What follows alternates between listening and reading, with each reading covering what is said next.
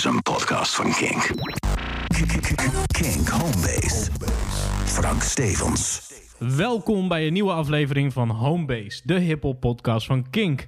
Mijn naam is Frank Stevens. Mijn naam is Steven Gilbers. En deze week gaan wij bespreken hoe je ermee om moet gaan als jouw favoriete artiest er nogal eigenaardige ideeën op nahoudt.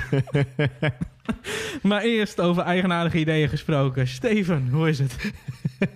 Gaat lekker, Frank. Hoe is het met jou? Deze zag je ook niet aankomen, hè? nee, het was totaal niet voorspelbaar. Ehm, ja, gaat lekker. Eh, Ja? Nog steeds eh, eh, opgezadeld met een, met een blessure. Maar dat betekent wel dat ik meer tijd heb om, om dikke playlistjes te maken. nieuwe ideeën de wereld in te, te, te schoppen. En ondertussen stiekem alweer shows te boeken voor 2021. Oh, zijn we weer bezig? Dus mochten de deuren weer open gaan van Simplon... eh, eh, eh, Staat Homebase voor je klaar? Homebase staat klaar. En, en als alles doorgaat wat er nu in de koker zit... Hoe staat het met je PhD? Nou, ehm, weet je hoe het zit, Frank? Is dat ik die heb ingeleverd. Oh shit. Ja, Gefeliciteerd, jongen. ja. Hij, hij gaat komende week wordt hij doorgesluist naar mijn leescommissie. Hoe het Mhm. zeg maar werkt is, je, je maakt je hele manuscript. Die pas je nog een paar keer aan op basis van commentaar. En dan Ja. gaat hij nu naar een commissie ehm, van experts over de hele wereld heen... die het gaan lezen en beoordelen eh, Mhm. Op de scientific merit. Ehm, Ja. eh, onder andere mijn begeleider in, eh, van UCLA toen ik in Los Angeles zat. Die gaat het lezen, daar ben ik echt heel erg blij mee. Ehm eh, Sammy Alim is dat. Eh, Walt Wolfram is een expert over African American English gaat het lezen. En Ja. Janet Fuller, een, een professor hier in Groningen. En voor de luisteraar die niet weet waar we het nu over hebben, jouw PhD gaat over. Ja, mijn PhD gaat over hip-hop taal. De, de taal van hip-hop. Mhm. Hip-hop linguistics eh, eh, heet het veld. Zo noem ik het zelf in ieder geval. Ja. En ehm, ja, ik heb onderzoek gedaan naar eh, de, de spraak van African Americans in New York en Los Mhm. Angeles. ehm, Oost- en Westkust. Tupac als, als, als schoolvoorbeeld. Precies, ja. Tupac was eigenlijk de aanleiding van mijn onderzoek. Omdat Mhm. hij natuurlijk van de Oost naar de Westkust is gegaan. En Ja. uiteindelijk de posterboy van West Coast gangster rap werd. Um, en ik heb gekeken naar dingen als uh, hoe, ze, hoe ze spreken, hoe dat ritmisch en melodisch in elkaar zit uh, in de taal, maar ook hoe zich dat verhoudt tot, het ritmes, tot de ritmes en de melodieën van, van hip-hop uit de Oost- en Westkust. En, en hoe Tupac daarin veranderd is. Wauw. Dus dat is, uh, dat is in een uh, notendop mijn project. Uh. De volle versie is iets van 80.000 woorden. Jezus. En wan- wanneer is dit te lezen? Gaat, gaat dit openbaar verschijnen? Dus Dit, mocht er een eh, luisteraar zijn die denkt... hey, dit is interessant, dit zou ik graag willen Het lezen. gaat zeker uh, openbaar verschijnen. Het wordt ook het wordt gedrukt, maar het wordt ook digitaal uh, beschikbaar zodra het uh, helemaal. Het wordt ook gedrukt. Is. Ja, ja. dus gaan wordt, we gesigneerde kopieën weggeven? Ik ben daarvoor. Ik, ik krijg er genoeg om, om, om weg te geven, denk ik. Oeh, dus cool. zeker weten. Daarover dus snel meer. Ik, ik vind het wel een heel fijn idee dat dat zelfs in 2021 ik jou nog steeds gewoon in elke episode kan vragen hoe het met je PhD staat. Ja. Omdat het schijnbaar nog steeds niet klaar is. Precies, hoe het werkt is, zij gaan dus beoordelen over uh, een week of zes of zo krijg ik dan uh, een go or no go. Ik ga ervan uit dat het een go wordt. En dan, um, en dan gaat het in gang gezet worden dat ik het moet verdedigen publiekelijk. Dus dan Ja. moet ik een uur lang uh, moeilijke vragen beantwoorden over mijn onderzoek. Nou ja, en over dan heb ik moeilijke een titel. vragen beantwoorden gesproken. Ah, we hebben vandaag voor. Kijk, eh, eh, misschien leuk om eventjes mede te delen dat wij eigenlijk van plan waren om een kerstepisode te maken. Ja, Nou weten wij dat wij nogal eh, lang van stof zijn. Dus Huh? wij wouden allerlei want wij wilden allerlei kersttracks gaan draaien. En, en nou ja, wa- wa- wat je al misschien gemerkt hebt bij de, bij de Halloween slash horrorcore episode en, en de rap rock episode van, van de vorige keer. ja, Die afleveringen duren al gauw twee uur, tweeënhalf uur, omdat we allerlei tracks moeten draaien. En, en, en dan zijn we echt rete 23 enthousiast. zijpaadjes in moeten slaan. Oh mijn god, ja, ik zat het ook terug, terug te luisteren. Ik denk, jezus, waar zijn we allemaal wel niet mee bezig. Maar goed. Ehm, en in één keer was er iets aan de hand in, in, in hip-hop Twitter world. ja, en, En, wij ik zag dat al onze om. komen. En ik dacht, dit is hem. Ehm, wil je nog wat zeggen over kerst en hip-hop? Of zeg je, joh, laten we gewoon lekker direct het diepe induiken? Weet je wat En- het is? Ehm, ik denk dat jullie echt wel bekend zijn met tracks Weet je, weet als je, alles is al gezegd met Christmas in Hollis Christmas van in Ronnie. Hollis. En Done. natuurlijk, weet je, die Death Row kerstplaat. En er zijn heel veel, ja, Outcast, DMX laatst nog, Rudolph. ehm, is van alles uitgebracht wat hip-hop en kerst bij elkaar Check gewoon in de week van kerst de King Homebase playlist. Ja, kom bij je familie Nee, kom niet bij je familie langs, tenzij Nee. het corona-proof is. Maar Mhm. ehm, als je dat doet eh, en ze zetten daar een kloterige playlist op, zeg je, oh, ik heb ook nog wel wat kerstmuziek. En dan zijn er genoeg lijstjes met, Dan ga je naar Hip-hop. kink.nl, ja, de Kink app, of naar Spotify, Apple Music, YouTube of Deezer. En dan ga je naar de King Homebase playlist waar alle vetste, hardste kerst hip-hop tracks we, in got, staan. we got you covered. We got you covered. Maar goed. Ehm, maar nu, ja, kijk, eh, wat ik net ook al zei, er, eh, er gebeurde het een en ander deze week in eh, hip-hop Twitter. Hip-hop Twitter. En, Vertel, en, Frank. en je weet dat ik groot fan ben van Pete Rock. Ik weet zeker dat jij een groot fan bent van Pete Rock. Pete Rock en CL Smooth is een, eh, een, een hip-hop duo dat twee geweldige platen heeft afgeleverd. Nou, ik reminisce nog regelmatig over ze. De heren hebben eh, eh, in Simplon gestaan tijdens het event Homebase natuurlijk. Heb jij Dus, iets mee te maken, toch? ja, ja, Ja. ja, ja. Ik heb dus eh, ehm, nou, van dichtbij mogen meemaken hoe deze, hoe deze mannen zijn. Eh, ehm, ontzettend vette show als je het mij vraagt. Ook ontzettend trots op dat we dat nog voor elkaar hebben gekregen om, hun, eh, om hun naar Groningen te halen. Alleen Pete Rock is nogal iemand met een, eh, met een mening. En wat hij dus op Twitter heeft gegooid is dat... laat gewoon even de tweet voorlezen. Ja, maar doe dit wel echt stap voor stap. Oké, lees hem voor en dan gaan we stap voor stap analyseren wat hij precies heeft gezegd. Oké, dus Pete Rock zei... Vaccine shit is real stupid. Oké. How you giving vaccine to people who aren't sick? Vraagteken, vraagteken. Injectie emoticon. Ghostbusters zijn emoticon, zo noem ik hem, want ik weet niet wat het verboden teken. Ik Ghostbusters zijn. Ghostbusters emoticon zonder ghost. Je kan wel zien dat jij geen rijbewijs hebt. Jij denkt zo van, Ik heb ook nooit aan een PhD hoeven te werken. ja, als jij rijles neemt, dan ga je de Ik straat ben de van- Kanye West van de Nederlandse hip-hop podcasting. I'm the college dropout. I'm the middle school dropout. Dan, eh, dan zegt die rijinstructeur zo... Nou Frank, wat denk je dat je met dit bord moet doen? Ja, weet niet. Bellen? Hoe je kan call? Het verboden bord. Het, het, het, eh, Ja. Doe maar niet, Het, stop sign. ja, Ook niet. Maar nou, soort van. Close enough. in ieder geval, Pete Rock is het totaal niet eens. Want hij vindt dus eh, het idee van vaccinaties real stupid. Ja, want hij zegt, waarom zou je iemand een vaccinatie geven die het niet heeft? Nou, Pete Rock. Wacht even. Ik moet even nadenken hoe ik dit, dit, dit voorbeeld ga noemen. Wacht even.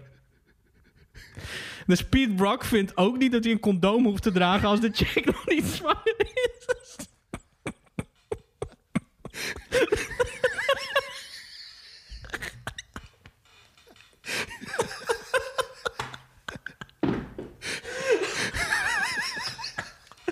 Kan iemand deze man uitleggen?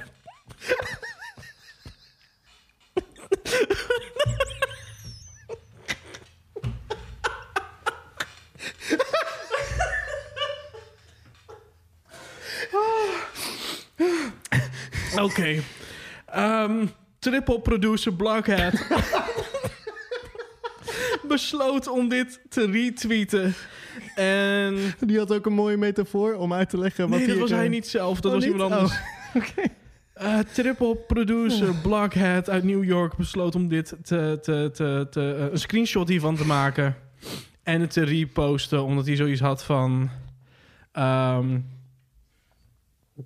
het, het, het, zat hem in de, het zat hem in de weg. Hij zei letterlijk: I have a feeling this might get deleted, so I screencapped it.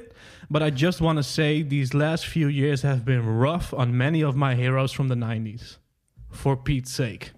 For Pete's sake. Ja. En dan dus dat screenshot. Ja. Even voor de duidelijkheid. Mocht een vaccin, dat dien je toe om te voorkomen dat je ziek wordt. Ja. Als je een vaccin geeft, aan iemand die al ziek is, is dat een beetje overbodig. Want dan heeft hij natuurlijk al Mhm. immuniteit aangemaakt als je Mhm. die ziekte overleeft. Dus het is zeg maar wat jij zei. Pete Rock doet pas een condoom om als een chick al zwanger is. Pete Rock die gaat naar de clinic, weet je wel. en die krijgt een beetje slecht nieuws. Because he's been reacting indecently. Homeboy Sandman weet hier alles Ja, van. ja. En, en die denkt dan... No better strap on a Jimmy hat.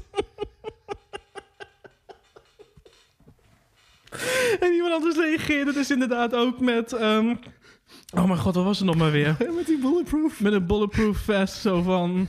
You don't put on a bulletproof vest after you've been shot. You put it on before. Oké, en, en wat dit dus bij mij triggerde, is, is dat ik het eigenlijk... even een biertje over. Ja, ik ook. Mijn god. Eh, dit bedoel ik. Wat heb je nou liever? Dat we het over kerstliedjes gaan hebben? Proost. Proost. Over Pete Rock's tweeting game. Mm. Oké. Ah. Kijk, Pete Rock is sowieso al... ehm, eh, eh, Het is een legend. 100%. Keiharde producer. Undeniably afgelopen legendary. week nog gewoon een, een, een nieuwe plaat uitgebracht. Eh, eh, allemaal instrumentals, deze keer met een live band. Ontzettend vet. Deze gast is gewoon, ik bedoel, naast Illmatic. Eh Pete Rock en CL Smooth, beide albums. producties voor remixes. Hij is de remix king. Ik bedoel, House of Pain Jump Around remix. Das Effects, Real Hip Hop remix. Ik bedoel, Had de beste beat op Watch the Throne. Weet je, het, zijn, Ja. het is in alle eras sinds die actief is. En dat is, denk, late 80s. In ieder geval 90s natuurlijk Mhm. echt eh, ehm, Ja. impact gehad. Eh, maar sindsdien nog steeds relevant. Al 30 jaar. Ja, en, en, en dat is waar we dus vandaag over willen hebben. Ehm, hoeveel shit kan je handelen van een artiest waar je fan van bent, voordat je denkt, tot hier en niet Tot verder. hier en niet verder. Wat is de druppel? Wat is de druppel? Dus eh, eh, waar we eventjes aan moeten denken... Wij hebben ook echt gewoon... R. Kelly. Is het oké om muziek van R. Kelly te draaien als je weet wat die viespeuk allemaal heeft uitge- uitgehaald? Nou, Spotify heeft letterlijk een filter ingevoerd... dat je artiesten kan blokkeren. Ja, die Op- gebruik ik voor Kraantje Pap. maar ieder normaal mens gebruikt dat voor R. Kelly. Voor R. Kelly. Eh, ja, ehm, maar eigenlijk waar je dan op uitkomt... en dat is waar wij, wat wij gaan ja, eh, ontdekken in deze aflevering. We weten het Mhm. ook zelf nog niet precies waar die grens ligt. Maar er is een soort van eh, formule met, met twee variabelen. Aan de ene kant hoe goed... How much the song slap, zeg Mhm. maar.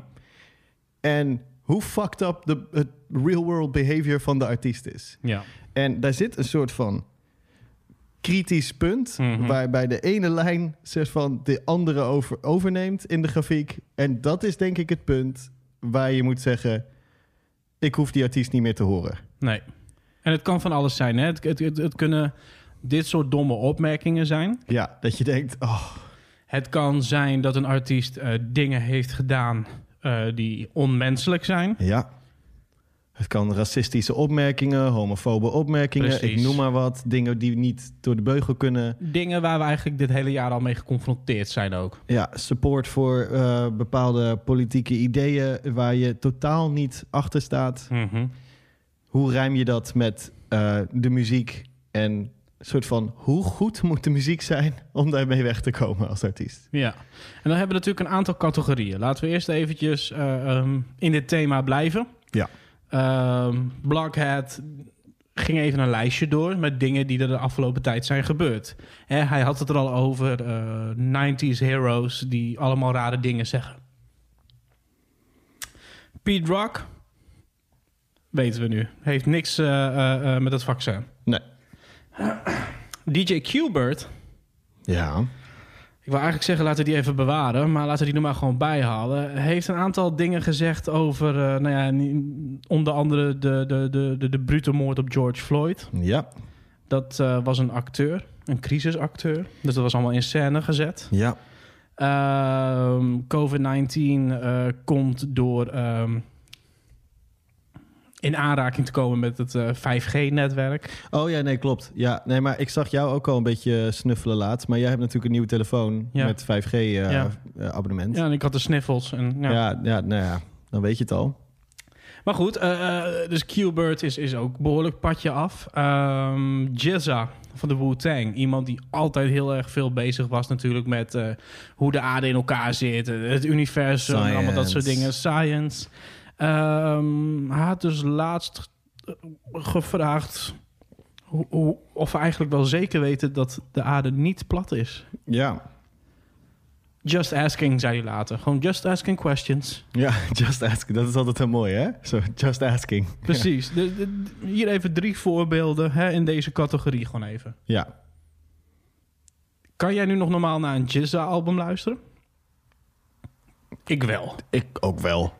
Het, het is natuurlijk een beetje achterlijk, maar relatief... Vooral voor iemand die gewoon eh, een programma heeft gemaakt met Neil deGrasse Tyson. Wat soort van... Die volgens mij ook een album aan het maken is met de hulp van Neil deGrasse Tyson. Zo van, is er een moment dat Neil denkt... Say what now? en dan gewoon even een, een smack in de face geeft. Bruh. Ja, ik bedoel... Ik... Heb je die documentaire op Netflix gezien over eh, Flat Earthers? Nee. Oh god, ga dat een keer kijken. Maar er zit op een gegeven moment een scène dat ze een experiment hebben bedacht. Dat is een goed experiment met een laserstraal die rechtstreeks doorgaat. En dan gaan ze Mhm. aan twee kanten van een meer staan en dan hebben ze berekend... nou oké, stel dat die rond is, Dan zou er zo'n... dan zou dit niet precies in de roos van aan de andere kant van het meer moeten kunnen komen... door de curvature van de Earth, Ja. right? Ehm, maar dat is dus niet waar. Dus wij gaan het nu uitvoeren en laten zien dat je het gewoon wel kan raken. Mhm. En dan doen ze dat en dan lukt het dus niet. Precies op basis van de natuurkunde die Ja. hoort bij de aarde die rond is. Mhm. En dan zie je ze echt zo kijken van... Oh, kut. dit mag niemand... Dit mag niet uitkomen. Dit mag niet en dan weet je gewoon... Jongens, je weet dat je in een documentaire zit op dit moment. Nou, Jizza, eh, die heeft dat nog niet gezien, denk ik. Nee, Want- nee. Of hij was er niet door overtuigd. Maar, maar goed, dit kan je accepteren. Het is een beetje silly. Ja, maar het, het, het, het, het betekent niet direct dat je denkt... de Wu-Tang Clan gaat hup naar de prullenbak en, met, in. en met Pete Rock ehm, is het op zich natuurlijk... Het is gewoon het is kind of funny. Het is ook een beetje silly. Het is alleen Maar het jammer is ook als... niet de eerste keer. Ik bedoel, laten we even heel eerlijk zijn. Pete Rock is gewoon een oude, zagrijnige, autistische man. Wat was jouw ervaring met Pete Rock in het echt, Frank? Ehm, nou, actually, een nice dude, maar Mhm. heel erg op zichzelf. Ja. Ja, dat, dat leeft in zijn eigen bubbel, totaal geen, geen, geen, geen gemene man of wat dan ook. Nee. Echt gewoon een ontzettend aardige vent, maar gewoon echt ehm, in zijn eigen bubbel, zoals je dat in zegt. zichzelf gekeerd. En ik bedoel, ik heb een vorm van autisme, dus ik vind ook dat ik, eh, laat dat even duidelijk zijn, dat als ik iemand een autist noem, is dat niet soort van, Derogatory eh, bedoeld. ja, of kleinerend bedoeld of wat dan ook, maar het is gewoon meer van, I can smell my own. Zo, oké, eh, Pete Rock, weet je, dat, dat, ja. Maar het is niet de eerste keer, laten we zeggen, dat hij... Maar kun je eh, me uitleggen hoe hij autistisch kan zijn als hij dus niet vaccins doet? Want ik dacht dat dat is hoe je eh, autisme krijgt. dacht toch? ik dus ook. Ja, dat heb ik, heb ik een keer gelezen op internet. Ik ook. Ja. Ik googelde het. En autisme, vaccin. nou, nou. Ehm, nee, maar... ehm, kijk, wat ik net ook pro- probeerde te zeggen. Het is niet de eerste keer. Hij, heeft natuurlijk ook al, hij is al flink op social media losgegaan op rappers zoals Vince Staples. Ehm, dat het echt niet kan dat je geen respect hebt voor de, voor, voor de oude school. Ja. Omdat Vince Staples volgens mij iets had gezegd van... hey, eh, prima al dat Tupac, maar voor mij is dat niet zo belangrijk. Volgens mij was hij dat die dat zei. Ja, het is, het is, ik, ik, het is allebei geen, daar kun je wat voor zeggen. Aan de ene kant, ja, als jij niet bent opgegroeid met Tupac en zo, dan waarom zou dat dan het belangrijkste voor je moeten zijn? Mhm.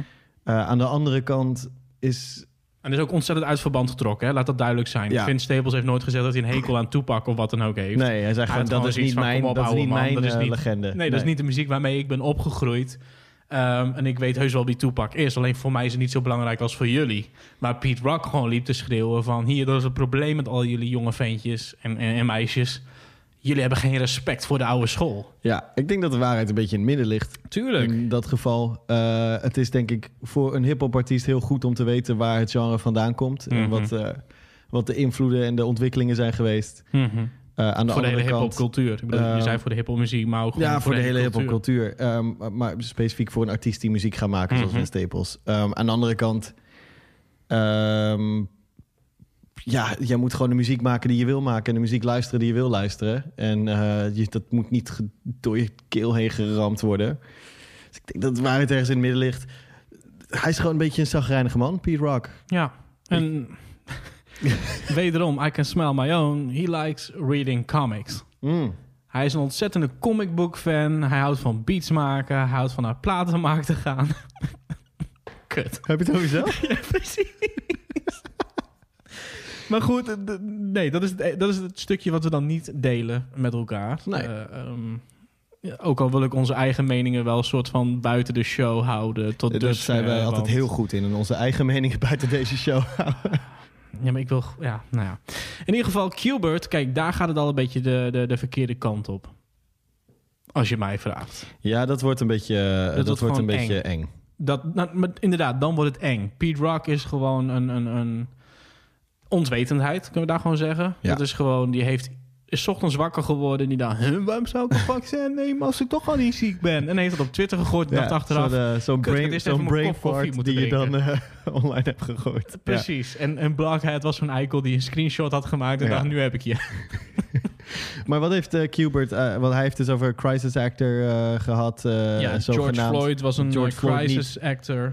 Die zou dan dus niet daadwerkelijk echt vermoord zijn... door Nee. een racistische politieagent. Maar dat zou nep zijn of in scène zijn Mhm. gezet. En hij is- heeft natuurlijk ook ergens gereageerd eh, eh, op een bericht hierover met hashtag all fucking lives matter, bitch. Ja, nou ja, dat, is, eh, dat klinkt heel positief. Maar All Lives Matter is natuurlijk eigenlijk één grote... Dat is een, een tegenreactie op Black Mhm. Lives Matter. En die is natuurlijk... Die Daar ga je komt- punt voorbij.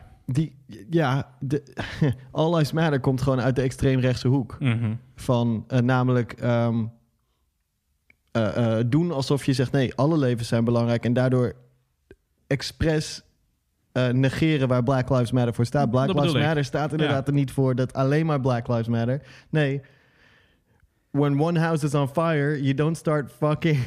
Dude, Ga je niet het huis daarnaast blussen. You're preaching to the choir. I dat know. is het. Voor ons is I dit know. zo normaal. Dat als jij merkt dat een van jouw helden daar toch anders in staat. En, en dat is natuurlijk een beetje de vraag die we vandaag stellen. En die we waarschijnlijk ook niet gaan beantwoorden. Want, want ik, ik weet nu al dat we straks namen gaan noemen van mensen. eh, waar het steeds, laten we zeggen, lastiger wordt om nog respect voor die persoon te hebben. Ja. Ja, Dus het antwoord gaan we niet vinden. nee. Dus, ja. Maar, maar, maar juist hier We, we zeiden ook niet dat het antwoord ging. We gingen exploren waar ongeveer die grens lag. Maar dat betekent niet dat we hem gaan vinden. Dat, Nee. eh, nee. Ik, ik heb namelijk, ik bedoel, Qbert is een amazing DJ. Ehm gelooft ook in, in UFO's. Nou, ik keek vroeger X-Files, dus ik kan ook wel ergens zeggen... als een soort van referentie naar de serie... I want to believe, maar geloof ik in UFO's? Ja, ik geloof dat er buitenaards leven is, maar ik, ik, ik kijk niet de hele godganse dag YouTube-filmpjes met beelden van unidentified flying objects. En, en Wat, jij, wat jij nu doet is als, alsof iemand zegt soort van... Ja, eh, hoe gaat het? Vraag je. En zo, ja, eigenlijk heel slecht. Mijn, eh, mijn moeder is net overleden. zeg je, oh ja, ik had ook een keer een hamster die is eh, overleden. Zo van, hij gelooft in UFO's. Ja, ik heb ook een keer X-Files gekeken. Precies. nee, maar ik bedoel, ehm Qbert is gewoon een, een amazing DJ. Ja. En, en had al een soort van eigenaardigheden. Dat Ja. ik een beetje probeer te zeggen. Hij was al flink out there. Maar bij dit denk je, oeh, oeh, oeh. ja, Even, even een stap dimmen, terug. vriend. Dit, dit, dit had je niet moeten al doen. helemaal omdat het dus daarnaast heeft hij ook nog eh, dingen over... ehm, eh, eh, heel positief over Trump gezegd. Mhm. en, en allerlei racistische dingen. En Mhm. volgens mij ook homofobe dingen. Ik, ik weet niet wat hij Nee, al- dat is... ehm, Oh, dat heeft hij dan niet gezegd. Nou ja, oef, nou, nee, dat was... ehm, ja, weet je, nee, weet- dat wordt gezegd over Pete Brock. ah, Aan de andere kant heb ik dat niet voor me. Ik heb geen screenshots van tweets waarin Pete Rock homophobic shit zegt. Ik Nee. heb niet, terwijl ik eh, met de beste man in contact was, hem dat soort dingen horen zeggen. Nee, nee. Dus wij gaan niet meedoen met al die eh, eh, leuke podcastjes en blogs en vlogs en al die... nee, ik wil het bewijs zien, anders ga ik iemand niet Inderdaad, veroordelen. dus ik ga hier niet zeggen dat Pete Rock homofoob is, want dat heeft iemand op Twitter gezegd die misschien helemaal niet... Nee, maar als ik met beste maar als. Qbert, eh, als we die hebben kunnen zien dat hij heeft getweet, all lives fucking matter, Juist. dan weet ik genoeg. Dan Juist. weet ik, dan, dat is een, eh, dan ben je aan het signifyen, dan ben je aan het signalen dat je aan- Mhm. Maar- in dat kamp zit. Oké, maar dan hebben we hier dus alweer dat punt. D- dit is natuurlijk het punt waar we, wat we vandaag nog tien keer gaan herhalen. Ja. Vind je hem nou nog steeds een goede DJ? Kan je nog normaal naar zijn muziek luisteren? Mm. Over het algemeen probeer ik zoveel mogelijk de muziek van de, de, de Kunst te muziek scheiden van de kunst te scheiden kunstenaar. van de kunstenaar. Omdat ik, ehm, als ik dat niet zou doen, driekwart van mijn eh, favoriete artiesten waarschijnlijk niet meer kon luisteren. Nee. Eh, ik, I'm pretty sure 50 Cent shot people, right? Ik weet dat Jay-Z iemand neerstak in een club, terwijl Mhm. die al miljoenen eh, opnames had, Mhm. miljoenen platen had verkocht. Het is niet.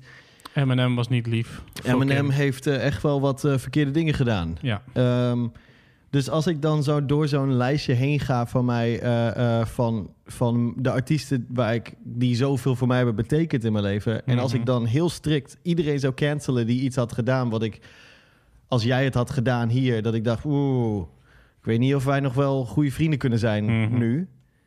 Ja, dan had ik gewoon geen, dan had ik geen, dan had ik niks meer om te luisteren. Nee. Dus, dus ik probeer dat zoveel mogelijk te scheiden. Alleen het is soms wel. Het is soms wel lastig. ja. Zeker als het met dingen zoals racism en waarbij iets, waarbij je ook die, de muziek op een andere manier gaat luisteren. ja, dat niet alleen, weet je. Ja, ja, ja dat niet alleen, ja. Dat jij gelooft dat, dat, dat, dat, dat het hele coronavirus nep is, dan moet je lekker zelf weten. Ja, Vind ik prima. ja, Maar als je in die tijd na zo'n ontzettend brute eh, moord met die politieke inhoud die het ook, laat zeggen, die hele lading die het met zich meebrengt, dat soort dingen gaat schreeuwen. ja. Dat valt voor mij wel een beetje in de categorie dat ik denk, weet je. Het is, het, het gaat. En ik denk denk dat- even duidelijk zijn, ik heb geen platen van Qbert in de kast. Het is ontzettend een goede DJ. Alleen ik ga niet een uur lang naar iemand luisteren die alleen maar alleen maar aan het scratchen is. Dat, het, dus het is voor mij niet zo dichtbij in dit geval. Maar we gaan straks voorbeelden noemen waar het wel zo dichtbij eh, ik, staat. ik denk dat het voor. En dan heb, als we het puur over hip-hop artiesten hebben, dat in, in dit geval is wat hij doet. Ja. Gaat, staat lijnrecht tegenover waar hip-hop voor staat. Ja. In de core. En dan. En als dat gebeurt, dan kun je het niet meer luisteren. Je, je, kan ook niet, je kan ook niet nu als David Duke ineens een, een fucking van de Ku Klux Klan... als Mhm. die ineens nu een rapalbum gaat doen... en het is fucking de nieuwe Illmatic qua sound. Dan kun je toch niet... Ja, het is, het is even, het is even heel hypothetisch dit, hoor. Wow, your, your, your brain. Maar, maar dan, dan kan het nog zo objectief zo goed klinken en zo Mhm. goed gemixt zijn. En de lyrics kunnen zo geniaal rijmen of wat dan ook. Maar dan kun je niet luisteren. Want het is een, een fucking white supremacist die hip-hop maakt. Dat kan niet. Nee. Snap je? Dus dat, ik denk dat dat. En, en dat is als je naar All Fucking Lives Matter. Als je zoiets eruit flikkert. en zegt dat George Floyd niet echt vermoord is. En He was a crisis actor. Ja, En dat geeft dus ook al aan dat deze man dus verder gaat. die gaat diep in de conspiracy die, die gaat shit. inderdaad diep in de conspiracy shit. Die, die, die, die nou ja, En, en daar kun je van. is niet meer te redden. Nee, daar kun je van alles over zeggen, over conspiracy shit. Ik denk dat heel veel mensen die daarin terechtkomen, in die conspiracy theories, oorspronkelijk met goede bedoelingen daarin komen. Namelijk, hey, volgens mij is het belangrijk om kritisch te kijken naar wat er eh, ons voorgeschoteld wordt. Prima, dat, En, ben ik en, met je dan, eens. en dan kritisch kijken. Alleen dan gaat het op een gegeven moment, kom je zo'n rabbit hole in, Mhm. dat je... ehm, dat, dat het hele eh, vermogen tot kritisch denken verdwijnt. En je vervolgens alles gelooft wat niet de official sources zijn. Ja. En dan kom je dus op dingen dat de maanlanding gefaked is... omdat George Soros eh, George Floyd heeft ingehuurd... omdat Bill Gates een pedofiele netwerk heeft voor vaccins voor corona en 5G.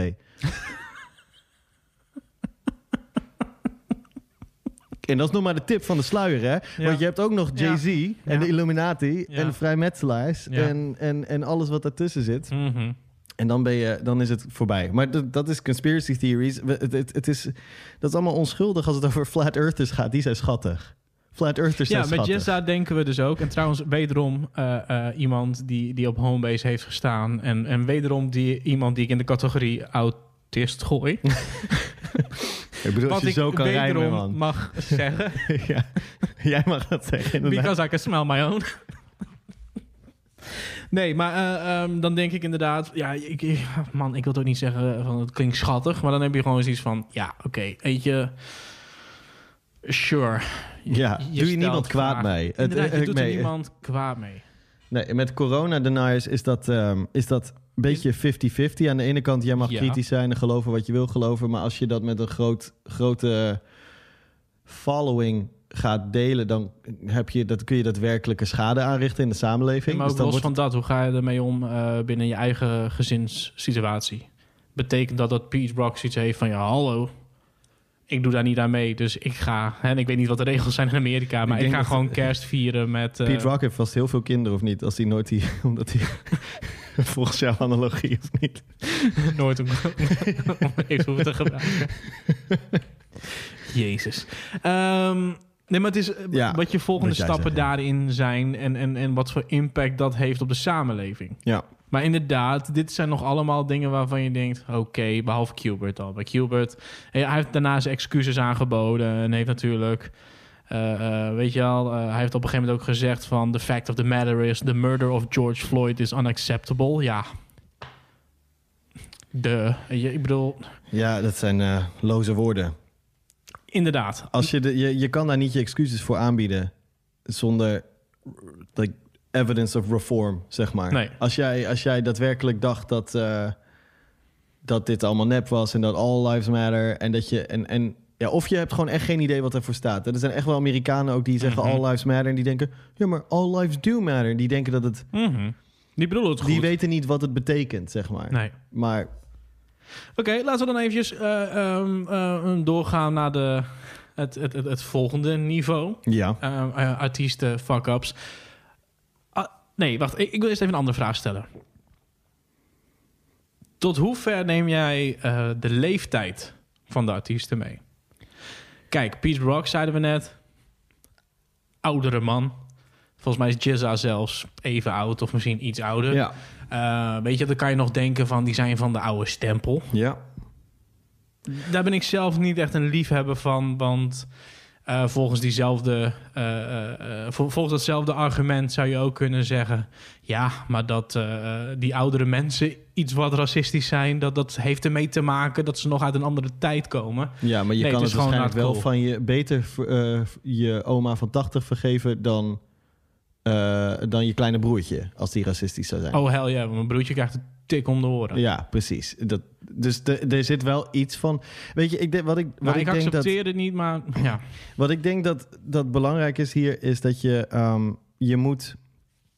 Wat gevaarlijk is, is wat je soms ziet op Twitter: dat mensen tweets van tien jaar geleden opduiken Mhm. en dan mensen gaan cancelen. Ja. Wat ik sowieso niet denk dat je moet doen, maar goed. Mensen gaan cancelen op basis van eh, wat ze hebben gezegd a fucking decade ago, Mhm. op basis van de normen en waarden van 2020. Ja. Maar in 2010 was de cultuur anders, was de context anders. Dat praat dat niet goed. Waar we het al eerder over hebben gehad, we keken er niet raar van op toen Eminem de, de F-word, wat ruimt op maggot, eh, op een CD zei in 2010. Dat, dat hoorde je niemand erover. Nee, in 2000 deed hij dat natuurlijk ook de hele tijd. En toen hij het eh één of twee jaar geleden deed, Ja, was het, eh, eh, was het wel een probleem. En is Mhm. het uiteindelijk ook omdat de tijden veranderen. Ja, en ik denk waar je mensen op moet beoordelen in die zin is ehm, op growth. En op je- hoe ze er nu in staan? Ja, dus of, ze, of zij van mening zijn veranderd. Kijk, als jij ehm, in de jaren negentig in die hip-hopcultuur een domme opmerking hebt gemaakt over homoseksualiteit of wat dan ook, dan is dat niet goed te praten, maar je kan het wel bekijken in die context. Als je Ja. dat nog steeds 25 jaar later nog steeds zegt, Ja. dan heb je dus compleet oogkleppen op of ben je gewoon een asshole. ja, en vooral met zo'n eh, flinke tijd ertussen. Dat betekent dat dus echt dat jij gewoon niet eh, de ruimte neemt om te groeien. Of, of je wilt het niet. Dan is dat gewoon je mening. Precies. Als je na Weet je- 25 jaar nog steeds hetzelfde erin staat, Precies. dan gaat er ook niet meer En we hadden het over mijn, mijn PhD eerder. Ik heb allerlei interviews en teksten en nummers en alles van Tupac natuurlijk Mhm. tot, op, tot op het bot geanalyseerd. Hij heeft best wel wat homofobe opmerkingen gemaakt in zijn leven. Hij Ja. heeft Jay-Z uitgescholden eh, eh, voor, voor Gay-Z, geloof ik. Hij heeft eh, op een gegeven moment Uh, This is California Love Part 2 Without Gay Ass Dre. Um, dat was Mhm. voor To Live and Die in L.A. Omdat, ze, omdat hij boos was op, op Dr. Dre. Waarom, waarom noemde hij hem gay? No, no Waarschijnlijk alleen omdat het rijmde. Ja, het was gewoon iets om het te dismissen. Het was gewoon Ja. een dis. Ik heb een interview van hem gehoord in eh uit 89, geloof ik. Dat hij ehm, eh, eh, dat, dat ook AIDS werd besproken en dergelijke. En dat, dat het ging over gay brothers. Dus, dus black men that, that were Mhm. gay. En dat deed hij heel erg neerbuigend over. Ja. Als Tupac, hoe ik denk dat Tupac zich had ontwikkeld als hij niet vermoord was, dan verwacht ik dat hij rond deze tijd daar echt wel op terug was gekomen. En Ja, echt wel ja. was gegroeid. Want dat was iemand die heel erg groeide. Als hij dat niet was, hadden we hem nu kunnen afslachten, zeg maar. eh, ehm, op basis van die opmerking. Maar je moet wel zien waar, in welke context iemand Oké, iets maar zegt. goed. Jij, jij- we gaan nu eh, één bepaalde kant op. Mhm. Dat is namelijk eh, de oudere mensen, artiesten. Ik wil ook eventjes de, de, de compleet andere kant bekijken. Tyler, the Creator, begon gewoon als een shockrapper. Ja. Jong ventje, indruk maken op je vrienden. Het waren allemaal skaters. Eh, eh, they loved Eminem. Dus Ja. ze waren ook inderdaad opgegroeid Eminem met... ook een shockrapper natuurlijk. Precies. Dus eh, Eminem die- ik ga het gewoon quoten op, op het album Goblin. Zegt Tyler op een gegeven moment... Rape a pregnant bitch and tell my friends I had a threesome. Ja. ik weet nog wel dat ik die plaat draaide eh, eh, op mijn werk. Binnen het jongerenwerk. en mensen dat niet... en de eh, volgende dag was dat niet meer je werk. Nee. eh, eh, eh, even goed konden waarderen. ja. Maar later, en ik weet nog steeds niet of dat waar is, eh, eh, ehm, ja, dat heeft niet zo heel veel mee te maken. Maar hij, hij is veranderd. ja. Hij is gegroeid. Hij zal dat soort dingen niet snel meer Hij, had ook, hij zei ook heel 2020. vaak de F-word. Ja, dat en inderdaad bleek zeggen. later zelf bisexual te zijn, toch? Ja. Dus ja, dat is wel...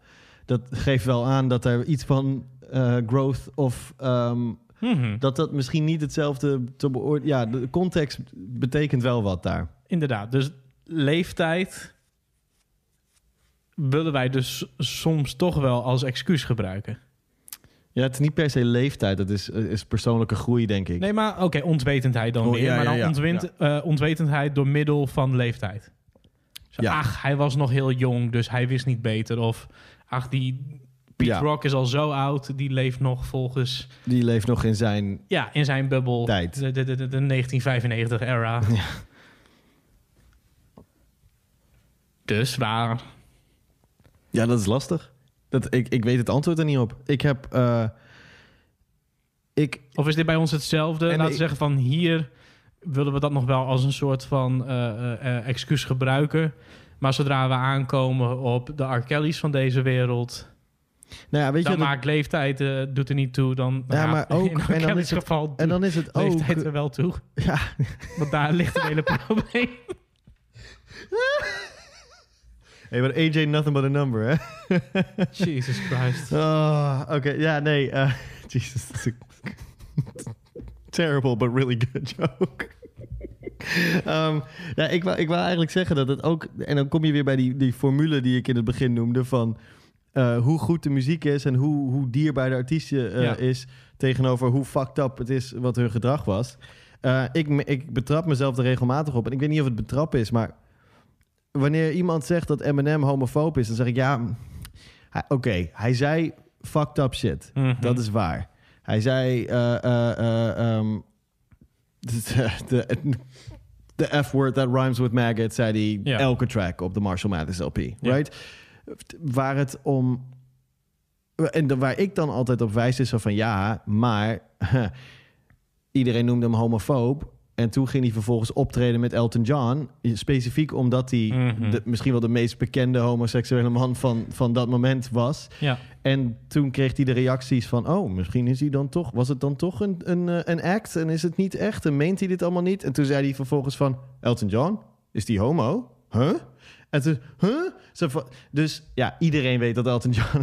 Heeft hij dat echt gedaan? Ja, dat heeft hij echt gedaan. Wauw. Dus dat is soort van... Ik zeg dan altijd, ja, maar Eminem was... Het is niet goed te praten, maar hij was... Hij, dat is niet zijn echte mening. Hij was aan het chockeren. Mhm. Maar tegelijkertijd, ja... Dan ben ik dus aan het goed praten... omdat dat de belangrijkste artiest in mijn leven is geweest. Ja. Had ik dat ook goed gepraat voor eh, Buster Rhymes? Nou, nee. Die heeft ook zulke shit gezegd. Ah, en dan dus denk wat ik, jij ja, zegt is omdat Eminem Rhymes. Zo goed vind ik hem niet vergeleken met Eminem. Eminem ga ik wel voor... I'm willing to die on that hill. But I'm not Mhm. dying on that hill for, for Busta Rhymes. Ja. And they said the same shit. Dus, ja, dus, ja. Dus, dus het is ook hoe dierbaar de artiest je is. Ehm, en, en, en ik heb... eh, het is vrij, eh, vrij bekend in, voor luisteraars van de podcast... dat ik best wel een Kanye-fan ben. En dat ik ja. vanaf early career Kanye tot... ehm, nou ja, in ieder geval wel Jezus... en misschien nog iets daarna echt wel fan ben van zijn shit... en ook wel alles heb gekocht. Maar toen... toen die full-blown voor Trump ging... Ja, maar nu moeten we dus ook weer oppassen. Kijk, dat, dat vind ik op zich wel het spannende aan deze aflevering. Eh, het is natuurlijk een aflevering die eigenlijk al, al, al dit hele jaar gemaakt had kunnen worden. Maar nu was er gewoon een hele goede reden om het hierover te hebben. Ja, Zonder heel erg eh, eh, in bepaalde thema's te duiken. ja. Dus dit is niet de COVID-aflevering. Nee, Dit is niet de Me Too-aflevering. De conspiracy dit is niet de- theory de, de, aflevering. de Black Lives Matter nee. episode. Dit is gewoon... soort van al die dingen eh, zijn een aanleiding Om, om het hierover te hebben. Precies. Ja. Dus ehm, waar ik dan bang voor ben, is als je dit zegt. Dat als het tegenargument nu genoemd kan worden: ja, maar Kanye West heeft mental problems. Nou, oké, laat ik het zo zeggen. Dus het, moment, het moment dat Er ik, is een defi- reden. dat ik definitief dacht... Kanye... Ik toen je die nieuwe trek- schoenen van hem zag. oh my god. Thomas, de fucking Brontosaurus feats en dat, joh. Oké, sorry. Ik, ik ga je niet onderbreken. Ik neem even een slokje. Ik denk dat ik ehm, dit jaar definitief soort van dat ik dat eigenlijk al langer wilde. Eigenlijk al vanaf die Trump support en Mhm. ja, al die onzin van de laatste paar jaar en de, en de muziek die steeds minder goed werd. Ik denk dat ik dit jaar een streep heb getrokken tussen de, oké, hiervoor vond ik Kanye fantastisch en vanaf nu niet meer. Ja. Dus ik zag het Joe Rogan interview met Kanye, aflevering ruim drie uur geloof ik. Ik heb nog nooit iemand zo incoher... Nou, dat is niet waar. Ik heb nog nooit iemand waar ik zoveel Maar respect zeg, je voor praat had. één keer in de twee weken met mij. Precies, daarom corrigeer ik mezelf. Eh, zo incoherent horen lullen voor zo lang ja. als, als Kanye. En het, het toppunt, en ik heb er heel hard om gelachen... en heb toen voor mezelf besloten... ik hoef niet alles meer... ik hoef die verzameling niet compleet van Kanye... Oké. is toen die zei... ja, mensen zeggen wel... Watch the Throne had een betere mix. It slapped harder than Jesus is King. En dat is misschien ook wel zo. Maar weet je... dat is alleen maar omdat God me had verteld... dat de mix van Jesus is King minder goed moest. Dus toen dacht ik... oké, dus jij bent het ermee eens... dat je kutmuziek hebt gemaakt, recent... Maar je, geeft als ex- maar je geeft als excuus de ultieme drogreden, namelijk God told me to. Mhm. Nou, toen dacht ik... Oké, Kanye. Well, God told me to not buy your, the rest of your discography anymore. This is it. I'm, I'm done. Ik zie je wel als je weer een geniaal meesterwerk aflevert... en je weer een beetje een soort van... Oké in the brain lijkt. Maar dit, ja, dan houdt het voor mij op. Als de muziek minder gaat en, en ik kan me niet meer... Ik kan me niet meer verplaatsen in die persoon. Mhm. Dan, dan houdt het ergens op. Maar dat betekent niet dat ik nu minder plezier beleef aan My Beautiful Dark Twisted Fantasy. Het betekent wel dat ik minder plezier beleef aan het verdedigen van Kanye uit die tijd. Oké, ehm, dan nu de vraag. Is er een artiest waar jij vanwege eh, iets wat, wat heeft voorgevallen... nu eh, eh, minder van geniet? Dus is er een artiest die iets heeft gezegd, iets heeft gedaan... waardoor jij denkt, ik kan het niet meer los van elkaar zien? Hm. En dat is natuurlijk lastig, want ik heb net twee van jouw eh, belangrijkste artiesten in je leven, Eminem en Kanye West, heb jij net over verteld. Ja. Ik, ik denk misschien dat het zou gebeuren als ik een hele negatieve persoonlijke ervaring met iemand had. Wij, wij komen in this line of work natuurlijk wel eens eh, artiesten persoonlijk tegen. Mhm. Ik denk als ik een hele nare persoonlijke ervaring met iemand had gehad, dat dat het misschien voor mij zou killen. Het plezier van het luisteren naar die artiest. Ik heb maar zoals ik zei, ik ben over het algemeen wel iemand die zoveel mogelijk de muziek probeert te scheiden van, Ja. van het gedrag. Tot op het punt zelf dat ik dus die, ik heb echt die filter niet ingesteld op R. Kelly voor Spotify. Want als de remix to Ignition opkomt, I'm bumping that shit. En ik weet dat het niet oké is, but it's such a good song. Hey dude, ik, En, en je weet dat ik van soundtracks hou. ja, Als ik de Space Jam soundtrack op heb...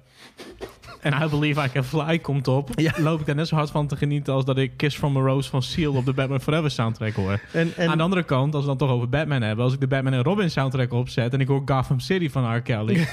zing ik hem ook gewoon keihard mee. En, en terecht. Because it's really good music. Nee, Oké, en terecht. Because it's really fun music. dat.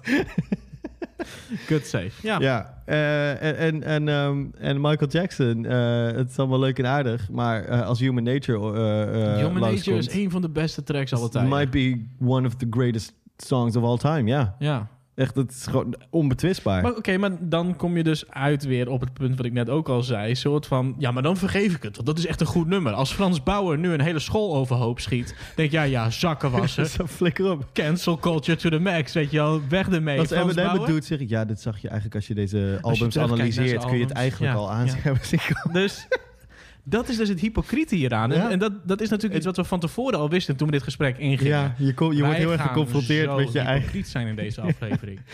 Maar wat, wat, wat zou dan... Ik vraag me dan af, wat zou Eminem moeten doen om het te verpesten voor mij? Zou die moeten langskomen en gewoon mijn moeder moeten neuken of zo?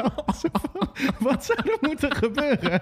Voordat ik denk, yo Marshall, Hey, ehm, nu hey. ma- ik, heb, ik weet dat ik Ik elke doe het al versie- bijna wekelijks... en met mij praat je ook nog elke twee weken in de podcast. Oh, Je mag blij zijn dat jouw moeder de podcast luistert, anders had ik een comeback gehad. Ik kon hem niet laten liggen, sorry. Maar de microfoons staan aan, hè Frank, voor de duidelijkheid. Dit is misschien wel echt de, de, de meest eerlijke aflevering die we ooit hebben gemaakt. Dit is de career ender. De, de volgende eh, aflevering is van iemand anders die zegt... wat kan je favoriete podcaster doen om te zorgen dat je hem nooit meer aanzet? Nee, maar oké. ehm, ik- ik zal even een voorbeeld noemen van een artiest waar ik heel veel moeite mee heb gehad. Oké. En dat is namelijk interessant, omdat je net... eh, eh, eh, je, je dropt een heel fout voorbeeld. Namelijk dat Eminem de, de, de liefde bedrijft met je moeder. Om het maar even netjes te zeggen. Ik ehm, was groot liefhebber van Ganya Sufi. Een artiest die samen met de Gaslamp Killer een plaat had gemaakt, Sufi en een Killer. Eh, daarvoor was hij trouwens al bekend als eh, in de underground wereld in, in LA en omgeving eh, als Sumac, een rapper. Maar toen was hij in één keer Ganya Sufi, heeft een plaat gemaakt met de Gaslamp Killer, Ganya en een, Killer en een Sufi. Een Sufi en een Killer. En in de oor stond altijd een hele mooie titel bij een interview, namelijk een yoga-leraar en iemand met agressieproblemen. en, en dat was Ganya Sufi. Die man die, die was daadwerkelijk een yoga-leraar. Eh, zijn muziek was heel erg spiritueel, maar had ook een hele agressieve kant. Ja. Nou, prima. Jij vond dat wel een interessante kop natuurlijk. Dude, die, Eh, die, die, die muziek was gewoon fucking maar dat gegeven ook van een yoga Tuurlijk, dus en met tuurlijk. eh, die tegenstrijden, Ja. ga je die daarin zit en zo. Dat, dat, ik vond het heerlijk. Ik dacht, Ja. oké. Dat hoorde je ook wel een soort van terug in zijn muziek. Ik win kaarten om naar een show te gaan van hem in... Ja, ik weet niet meer. Patronaat of wat dan ook. Hmm. Via, volgens mij ook via Oor, letterlijk. eh, een, een paar jaar later. Ehm, ik daarheen. Ik sta vooraan. Ik heb er ontzettend veel zin in. Ik, ik raak in gesprek met iemand die eh, journalist is en daar is om de show te te, ja. te, te reviewen. Die ook groot fan is. En ik ging toen die tijd ook wel vaak alleen naar concerten. Omdat je dan juist altijd in, in contact komt met mensen. Weet je wel, dat, dat, juist omdat je dan alleen heen gaat. Je ziet iemand anders is alleen. En op een gegeven moment raak je toch op een of andere manier aan de praat. En ga je daar met de show kijken, drink je samen een biertje. En aan het einde van de avond, hey, later tot de volgende keer misschien. Was hier ook het geval. Dus wij allebei geeked van, oh, we gaan, we gaan Ganya Sufi live zien. Ah, De band begint. Ganya Sufi komt het podium op. En heeft al wat problemen met zijn microfoon. Mhm. Oké. Kan gebeuren. Is iets wat agressief. Dat ik denk, ach ja, maar dat wist ik. Hij heeft agressieproblemen. Ja, en yoga. ja. Misschien dat we straks yogales van hem krijgen. Eh, op een gegeven moment loopt hij het podium af. eh, eh, komt terug. De drummer begint iets te drummen. En hij begint zijn drummer uit te schelden. En plein publiek. Ja. What the fuck are you doing? Is this my song? En iedereen kijkt nog een beetje om zich heen van... maar eh, So it's part of the act, dacht ja, je nog. maar het- het begon al heel slecht. De intro liep niet heel erg soepel. Het leek alsof er continu technische problemen waren. ja. Maar hij begint daar zijn drummer uit te schelden. Dit is niet mijn nummer die je speelt. Wat ben je aan het spelen? Wat denk je dat dit een grap is? Ah, ruzie, ruzie, ruzie. En mensen kijken al om zich heen. Wat gebeurt hier? Die drummer die, die staat er ook bij wat, wat verwacht je nou van me? Dus begint een ander ritme te drummen. Niet goed. Kanja Soefie loopt het podium af. Lampen gaan geloof ik weer aan. En mensen kijken eraan van... Wat de fuck gebeurt hier? Nou ja, hij komt terug. Het publiek... Volgens mij had hij zijn microfoon laten liggen... en pakte iemand in het publiek de microfoon op of zo. Zoiets kan ik me herinneren. Het, was, het ging ook allemaal zo snel voorbij. Maar waar het op neerkomt, dus hij komt terug... en hij begint het publiek uit te schelden... dat het publiek aan het joelen is. Zo van, zo ga je niet met je band om.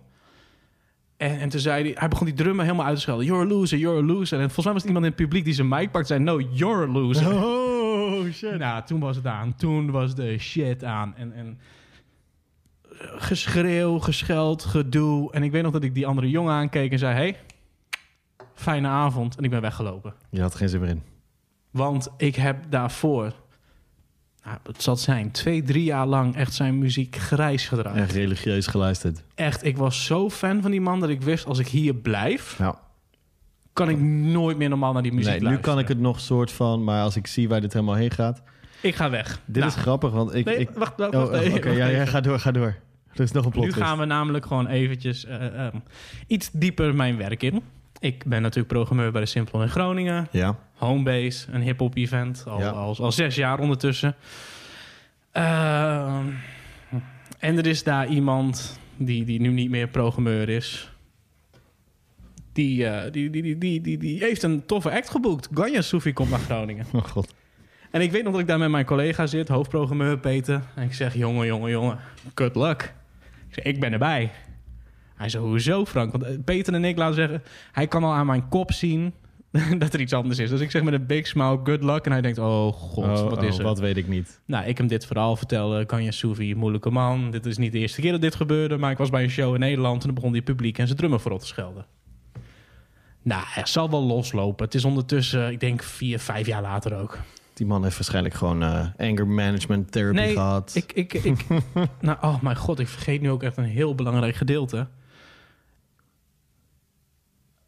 Om even aan te geven wat voor impact die man op mijn leven had. Ja. Hij is een van de weinige artiesten die ik ooit een mail heb gestuurd. Omdat er een tijd in mijn leven was waar ik heel veel last had van ehm, eh, paniekaanvallen. Haha. Of, of burn-out was het eigenlijk. Maar het was gewoon eh, iedere dag eh, duizeligheid. En ik kon niet meer functioneren. Het ging heel slecht met mij. Ja, symptomen van eh burn-out. Ja, ehm, en Ganya Sufi zijn tweede album, of tweede officiële album geloof ik, Muzzle. Ik weet niet wat het was, maar als ik die plaat opzette, werd ik kalm. Huh. Dat, dat werkte echt voor mij. Dus iedere dag al op een gegeven moment, als het echt op de hoogtepunt was, ging ik wandelen en zette ik die plaat op, werd ik rustig. Dat is echt de enige keer in mijn leven dat ik dus een mail naar de artiest heb gestuurd via Facebook. Dear, Zo van- Dear Slim. Fuck you. en dat ik dus ook had gezegd van, yo, weet je, ik, ik, ik weet niet wat het is. Ik heb hier en hier last van, paniekaanvallen of, of burn-out. En op een of andere manier, dat album brengt me tot rust. Die gast heeft een lab tekst teruggestuurd waarin hij zei... Yo, ehm, wat heftig, maar ik weet precies waar het vandaan komt. In één keer zag ik dus de yoga-kant van hem. Wauw. Hij zo, laat me je een verhaal vertellen. Toen en toen die tijd, toen ik met dit album bezig was, ging ik door een moeilijke tijd heen. Eh, tours in Europa waarin alles misging. Eh, problemen in mijn familie. Echt een fucking persoonlijke mail. Echt een gigantisch labtekst. Dus het was ook een soort van voor mij op dat moment weer, weer goed. Zo van, oh, hij, hij zat toen ook echt... Dat was die tijd. Het ging niet goed met hem. Dus, dus dat is wel even een weer goed gepraat voor Ja, jezelf. dus- die dus die fucker bij het concert. Precies. Dus, en dan zit je dus tegenover Peter in Simplon. Die zegt, Ganja Sophie komt. En ik was dat mailtje toen ook alweer vergeten. Ik dacht, ha, succes. Ik hoop dat het een betere show is dan wat ik toen had gezien. En ja hoor, ik ga die avond heen.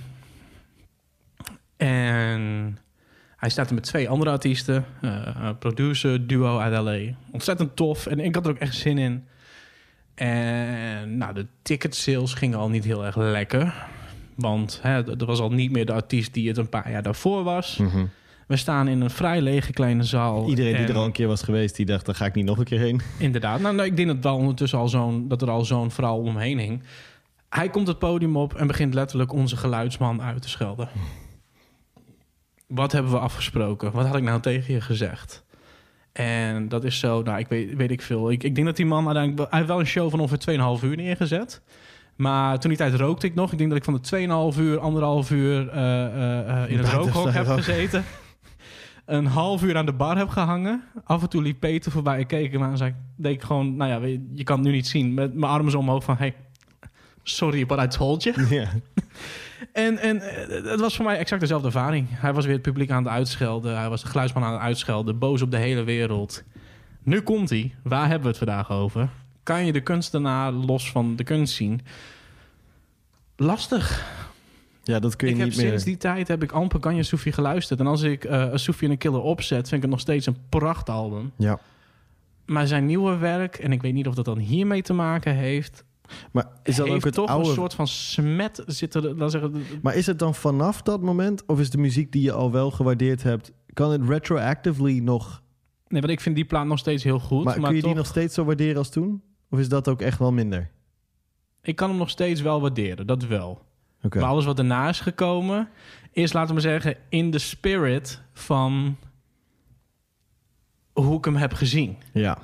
Snap je wat ik bedoel? Ja. Zo van toen ik die, die, die eerste twee platen eh, ontdekte, toen was het allemaal nieuw en toen kende ik de man erachter nog niet. Dus, dus dat heeft al iets gecreëerd in mijn hoofd. Dat beeld kan niet meer eh, kapot gemaakt worden. Ja. Maar alles wat daarna uitkwam, was gelinkt aan de man die zijn publiek en zijn band verrot liep te schelden. Dat is grappig. Ik, ik moet nu denken aan een verhaal van mijn moeder. Die, eh, mijn ouders waren heel erg fan van Van Morrison. Nog steeds. Oh, dat is Maar- geen makkelijke man. Nee, maar op het publiek waren ze naar een concert van hem geweest. En hij stond de hele tijd zijn band, zijn band uit te schelden. En mijn moeder, tot op de dag van vandaag, als ik als Van Morrison wordt gedraaid bij mijn ouders thuis, Ja. dan zegt mijn moeder. "Mm." Omdat, omdat ze alleen maar denkt aan die, die lul die ze daar zag op het podium. ja.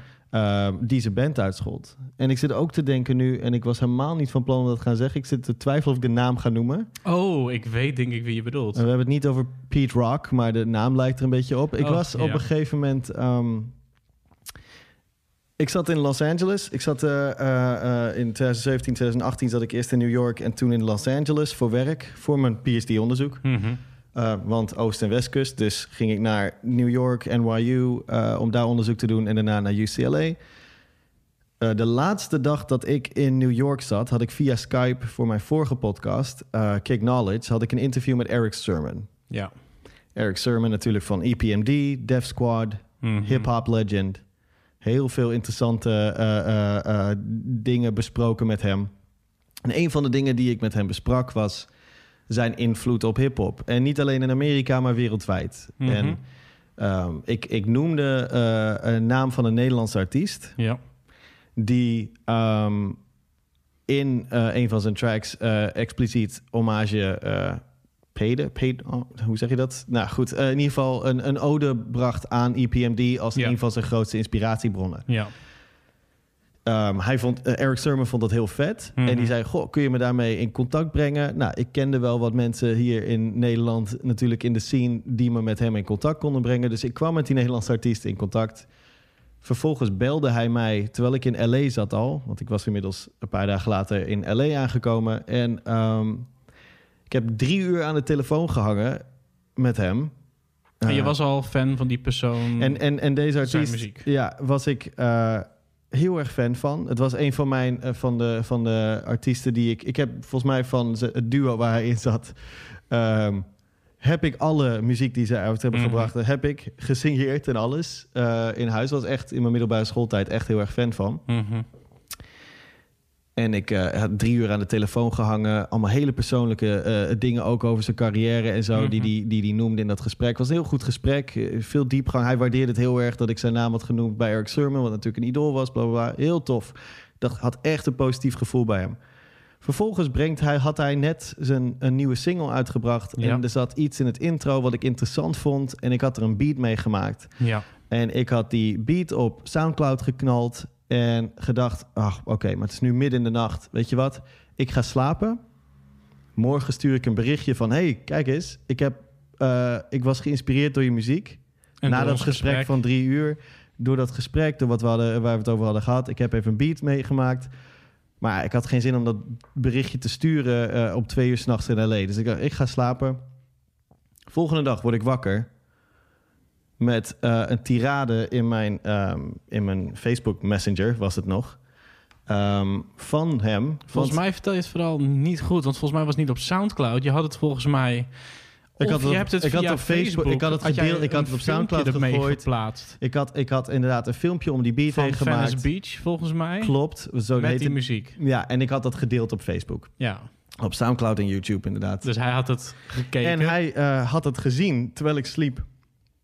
En ik werd basically wakker met een soort cease and desist letter, letter in mijn...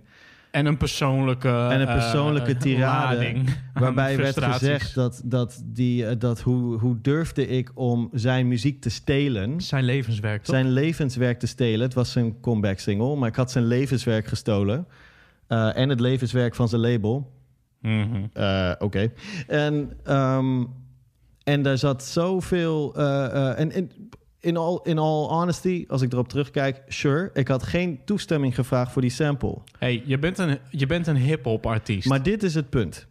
Dit is inderdaad waar je nu op eh, is het punt. Dat ik op dat moment dacht ik, ik zei, oh ja, ja, tuurlijk, snap, ik heb daar geen toestemming voor. Sorry dat, dat, dat je dat. eh, ik kan me voorstellen dat je dat niet wil. Dat dat. Hey, even Eh, voor alle duidelijkheid, even voor de luisteraar. Los van het feit dat jij mijn co-host bent en mijn beste vriend. Jij bent niet een of andere dipshit. You're one of the fucking nicest and sweetest guys I I know. appreciate it. Nee, maar ik weet Ja. dat er bij jou geen kwade bedoelingen achter zaten of wat dan En ook. ik had hem ook niet te koop aangeboden of zo. I just made some music for fun. It wasn't an Ja, official maar jij bent release. iemand die daadwerkelijk dan eh, na een gesprek van drie uur de inspired raakt. En Ja. iets doet van, oh wacht, eens, je zit zijn muziek te luisteren. Denk, oh, dit is grappig, hier hoor ik iets anders in. Ja, dit is tof. Ik maak hier omheen, om dit intro van jouw track, maak ik een nieuwe beat. Ja. Uh, it's fun. Keep, keeps me occupied, weet je wel? En, Ja. ehm, en, hij, eh, eh, en hij kwam dus zo naar uit de, eh, in, mijn, in mijn DM, zeg maar. En ik gaf hem, en hij had objectief gezien gelijk. Want ik had geen toestemming voor die sample. Ik had die sample gebruikt in een beat. Ik, had er, ik had er niks over gecommuniceerd. Ik had Prima. hem ook niet credited in die dinges. Want ik wilde hem... Ik, ik wilde het soort van nog hem gaan sturen. Ja. Maar goed. Dus ik zei, oké, ik heb hem eraf gehaald en alles. Ik heb hem privé gezet of deleted, whatever. Eh, niemand kan het meer zien. Prima, staat niet meer online. Maar ik ging toen, eh, ik raakte in gesprek met vrienden. Uiteraard met jou hierover ook. En wij, op een gegeven moment realiseerden wij ons allebei, geloof ik, zo van, ja, maar wacht eens even. Noemde die het nou stelen? Ja. Did he really call it stealing? Motherfucker. Dit Zullen is we eens hip-hop, eventjes door zijn, door zijn catalogus heen gaan? Ja, maar dit is hip-hop, vriend. Wat denk je dat eh, eh, eh, Eric Sermon deed? Jouw grote voorbeeld. Denk je dat hij nooit samplede? Dan vind je dat stelen. Ja. Dat vind jij stelen. Mhm. Dus los van, van de, de, de, de business side of things. Jij vond inherent, jij, Ja. nee niet jij Nee, Frank, nee, maar jij bitch-ass artiest uit Nederland Ja. met een dying career. Ja. Jij vond dat een sample gebruiken en geïnspireerd raken door een sample, Mhm. dat dat stelen was. ja. Dat heeft mijn Even voor hele alle duidelijkheid. van Jij zijn had muziek niet een instrumental van zijn beat gepakt en daar zelf een rap overheen No, geschreven. I sampled Je hebt één fragment. one loop en heb die op een bepaalde manier gechopt en heb daar nieuwe drums en een nieuwe baslijn en een, een bepaalde en hij effecten. herkende het als zijn eigen. En hij had niet eens door dat ik het niet eh, dat ik het had gesampled, maar dat ik een nieuwe beat mee had gemaakt. Ik had ook zijn eh, nog een vocal chop van hem had ik reversed en nog iets mee gedaan Mhm. en gefilterd. Het was, het was duidelijk geënt daarop van een sample, maar het was iets heel anders. Het moment dat wij in dat gesprek dat ik me realiseerde van het gesprek met jou ook onder andere dat dat ik me realiseerde, dude, jij bent hip hop en jij noemt dit stelen. Fuck you, dude. Fuck you. Je was in your right to say, hey, zullen we dat niet doen? Maar, Maar je had gaan het we niet nu terug naar het onderwerp. Ik kan niet meer luisteren. Je kan niet meer luisteren. Nee, en als ik er naar luister, ik hoor alleen maar alle smetjes in de, in de producties die ze hebben gemaakt, Heb- die hij heeft gemaakt. Heb ik dan hier toch een beetje de, de, de, de core van ons vraagstuk Het is eh, als je- gevonden? Als je persoonlijk, Precies, als, als je het een je persoonlijk negatieve ervaring met iemand hebt gehad, kilt dat je waardering voor de muziek. En Dus het, het, is, heeft met je eigen normen en waarden te maken. Los van het feit dat jij zegt... you can still bump some R. Kelly. Ehm, het feit dat hij verdacht wordt. En nou ja, het- laat zeggen, dit is niet de podcast waarin we mensen beschuldigen en zeggen dat ze iets hebben gedaan zonder dat de feiten op tafel liggen. Ja. Daarvoor heb je allerlei andere Er eh, heel veel andere programma's op voor. YouTube en shit. Ehm, maar even in het voorbeeld van R. Kelly weer. Jij hebt shit met kinderen eh, eh, gedaan. Ik bedoel, we weten allemaal dat Alia veel te jong was toen je daarmee getrouwd bent. Oeh, dat, zijn, eh, Ehm, dat is dat is up. dus niet persoonlijk, want hij heeft ons niks gedaan. Nee. Maar het valt binnen onze normen en waarden. Hoe wij, laten we zeggen, eh, naar, naar de wereld kijken. Gaat, Gaat dat te ver? Ja. Dus dan zeg je, oké. Het feit dat Pete Rock zegt... Huh? Ja. Waarom zou je mensen een vaccin geven als ze niet ziek zijn? Dat is gewoon dom. ja. Dus ik kan straks, als ik naar huis ga... gewoon mijn Pete Rock en CL Smooth platen En opzetten. dan denk je, als je dan denk je misschien halverwege even na... Wat een, Wat een flauw dumbass, maar the beat slap, man. Ja, ja. maar, Maar bij als je- Gilbert, als Gilbert op een track aan het scratchen... En dit is dus ook, dit, maar dit bedoel ik hoe raar het is. Want even een ander voorbeeld. Ehm, ik ben een groot fan van de metalband Deftones. Ja. Hebben niet zo lang geleden een nieuw album uitgebracht. Oom, geweldig. Hebben afgelopen vrijdag eh, een, een re-release van hun nou, toch wel bekendste plaat White Pony uitgebracht. Met een remixplaat. En ja, wat werd de, de, de wereld ingeschopt? Een interview met de gitarist eh, Stephen Carter. Die denkt dat eh, nou, de aarde plat is. En, en corona een hoax. En dit is het dus met DJ Qbert. Waarom ik soort van hem dan... Dan zeg ik, ik keur het niet goed wat hij doet. Maar als jij iemand bent die scratches legt op een productie van iemand die een schat van een vent of een vrouw is en niemand kwaad doet, met een rapper of een zangeres of een zanger die ook niemand kwaad doet, dan kan ik dat nummer nog gewoon luisteren. Ja. Want Qbert staat niet op de voorgrond. Ja. Dus dat Stephen Carter van de Deftones een flapdrol is. Ja, er zijn nog vier andere leden in de band.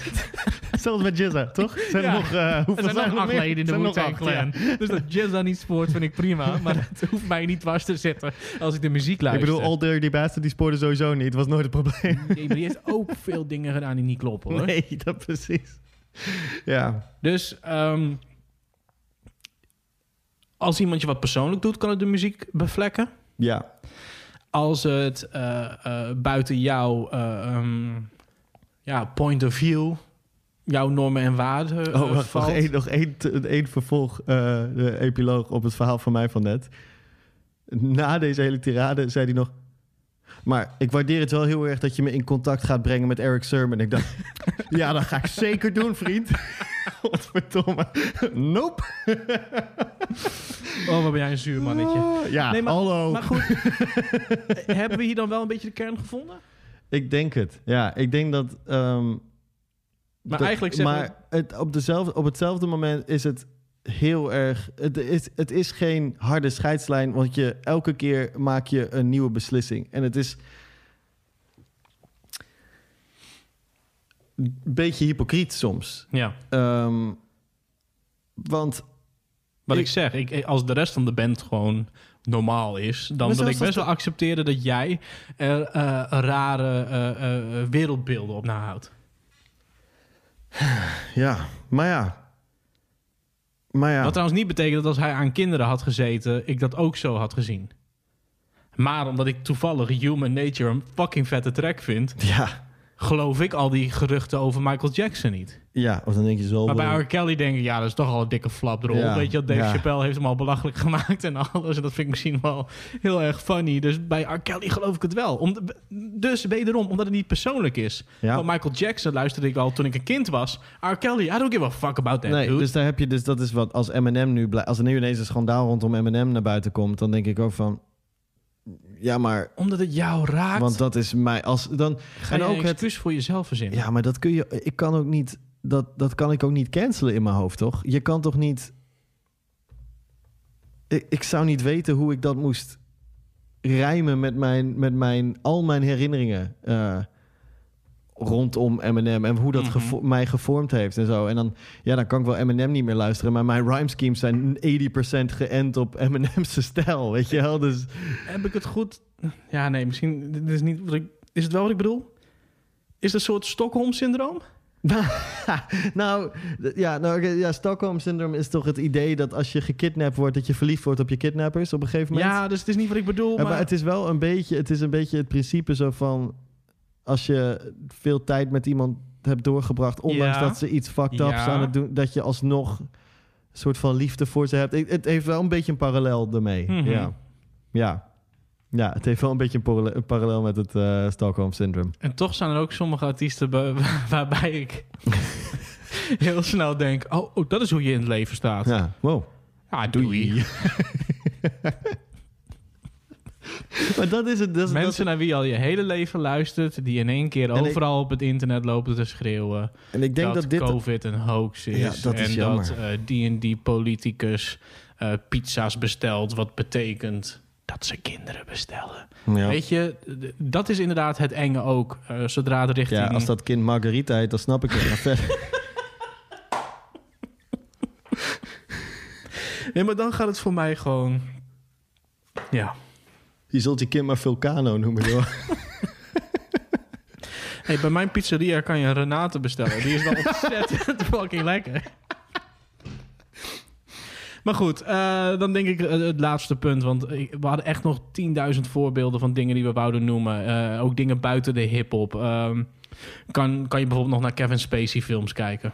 Ja, Woody Allen. Sorry, maar ik vind Seven een, een een fucking vette film. Ja. Eh, denk je de eerste keer dat hij in beeld komt toch... Ah, daar hebben we die viespeuk. Ja. Ja. Ik bedoel, eh, Harvey Weinstein. Scumbag. Ja, Klaar. Ik bedoel, is genoeg bewijs om te weten dat... Hè, gewoon, gewoon, gewoon los van alles...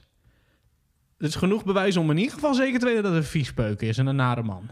I mean, hij is veroordeeld inmiddels, toch? Dus het is... eh, Ja, maar ook in, in, in, in die tijd daarnaartoe, weet je wel, zo van dat het een, een pervert en een sick fucking fuck was, dat Ja. wisten we al. Ja, Dat was in ieder geval al duidelijk. ja. Maar die man is wel met, met, met, met, met, met, met, met zijn eh, bedrijf, Miramax Dimension Ja, Films, maar, eh, verantwoordelijk voor echt Ga- heel veel van mijn Ga favoriete je, dan, films. ja, ga je dan daarom niet meer die films kijken? Ja, Zo dikke wat? Nee. Nee. Tuurlijk Want hij niet. speelt niet in die films. Hij speelt niet Superman Nee. in, laten we maar zeggen, mijn favoriete Superman film of wat dan ook. Nee. Weet je, hij is niet de main character en shit. Het is de man die het, Het wel, financierde. het is wel een beetje awkward als je inderdaad die, die, die titels ziet komen... dat er dan Weinstein Production staat. Dan denk je... Oh, oké. ja. En dan vervolgens is de film begonnen en denk je... Oh, fuck it. Maar Mhm. het is lastig. Maar ja, misschien als je zelf hele negatieve ervaring... met dat soort... met de praktijken die hij ook deed, hebt gehad... dat je daar dan heel anders over voelt. Gelukkig heb ik dat zelf niet ervaren. Of iemand Nee. die heel dicht bij me staat, die dat heeft eh, ervaren, zoiets. Maar eh, ja, dat is moeilijk te zeggen, man. Het is echt heel moeilijk. En het is gewoon, we zijn gewoon. Wel grappig hoe we begonnen met een, met een, eh, een tweet van Pete Brock... die ons aan het Ja, maar ja, denken Pete zet. Rock en dat we is, in één keer halverwege bij persoonlijke verhalen... Met een artiest gewoon, komen die ze- ons dwars liggen. Precies, ja. Ja, en ik denk dat dat. Die niet zo erg zijn als alle dingen waar we het eh, over hebben gehad. Maar Ik, ik denk dat dat is een soort van. Wij staan allebei, en nou goed, dat, dat heeft de luisteraar inmiddels wel door. Wij staan in principe aan de linkerkant van het spectrum, van het politieke spectrum. ja. Um, dat that being said is een van de dingen die ik jammer vind van, van ehm, links Twitter en zo. Mhm. voor- bijvoorbeeld is cancel culture. Ik Ja. zou willen zeggen, ehm, eh, eh, ga in gesprek, wees heel kritisch, maar op basis van, van één ding wat je niet aanstaat, iemand compleet cancelen is Nee, niet nee, per nee. se the way to go, denk ik. Ik denk dat je moet, je moet het ook niet negeren, zeker niet. Maar het- het- ik denk dat dit gesprek alleen al laat zien hoe genuanceerd het kan zijn. En, ehm, eh, en, en ook dat wij durven toegeven dat wij eh, bij artiesten die ons heel dierbaar zijn, dat wij daar nou, misschien nog wel de context kunnen zien of de Mhm. omstandigheden. Of ja, goed praten is een groot woord, maar een soort van Ja. verzachtende omstandigheden willen aanleveren. Terwijl als het iemand is waar ik denk, ja, man, fuck you. Het interesseert me geen reet wat je doet. Precies. Eh, a dick. Weet je, dan, dan is het... Of, of niet, als dat is wat ze Oké. gedaan. Maar ehm, Nee, maar als Justin Bieber zich als Nike gedraagt, denk je, ja, tuurlijk, ja. Ja, nou, dat zie je wel. Ja. Ja. Kunnen we die gast niet gewoon cancelen? Dat is wat je dan denkt. Ja. Maar zodra iemand Madlib, MF Doom, Tribe Called Quest, Ja. weet ik veel wie, ja, wil gaan cancelen, dan denk je, hal, hold up, hallo. kunnen we eventjes gewoon menselijk zijn en eerst eventjes kijken naar het bewijsmateriaal wat er ligt? ja, Ja. Dus het is echt die persoonlijke link. ja, dan word je zo'n persoon die zegt van... ja, oké, de atoombommen waren niet goed... maar het heeft misschien wel miljoenen levens gered, hè? Want anders was die oorlog nog maanden doorgegaan. En dan word je zo eentje, weet je wel. Hey, om het af te sluiten. Ja. Ehm, ja, eigenlijk is dit gewoon... We weten allebei dat dit waar is. Dit is gewoon een van de dingen waar... ehm, waarbij social media een belangrijke rol speelt. Ja, tuurlijk. Want het kan keihard Tenzij- gaan. Dat- Als Pete Rock dit echt geloofde in de jaren... eh, als, als, als, als, als dit allemaal gaande was in, in 94... ja. en hij had het op tape gezet... dan wist je dat hij er echt heel serieus over was.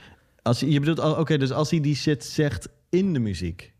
Ja, dit is namelijk gewoon wat ik net ook al zei. Pete Rock die wakker wordt, nog niet zijn koffie heeft gehad... en denkt, hè, Huh?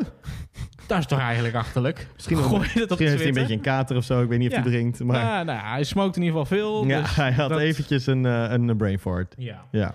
Dus die denkt, ik gooi dit op Twitter. Ja. En, en wat Blockhead ook al zei, ik heb maar even een screenshot gemaakt... want waarschijnlijk verwijdert hij het Als hij doorheeft hoe stom het was. Wat hij zei. precies. Ja. Dus denk je dat dat een... eh, eh, nou, denk je dat? Ik denk dat we dat allebei wel weten. Dat is gewoon een, een, een fuck-up. Of nou, een fuck-up. Pete moet Rock is niet echt op- gecanceld. Nee, maar je moet echt oppassen eh, wat je doet... in deze tijd met het internet. Wat een wijze les, Frank. Je kan niet zomaar al jouw brain farts op Twitter gooien. Maar wel op Spotify en Apple Music en de Kink-app en Kink.nl... waar je deze podcast en al het andere gelul van ons terug kan vinden.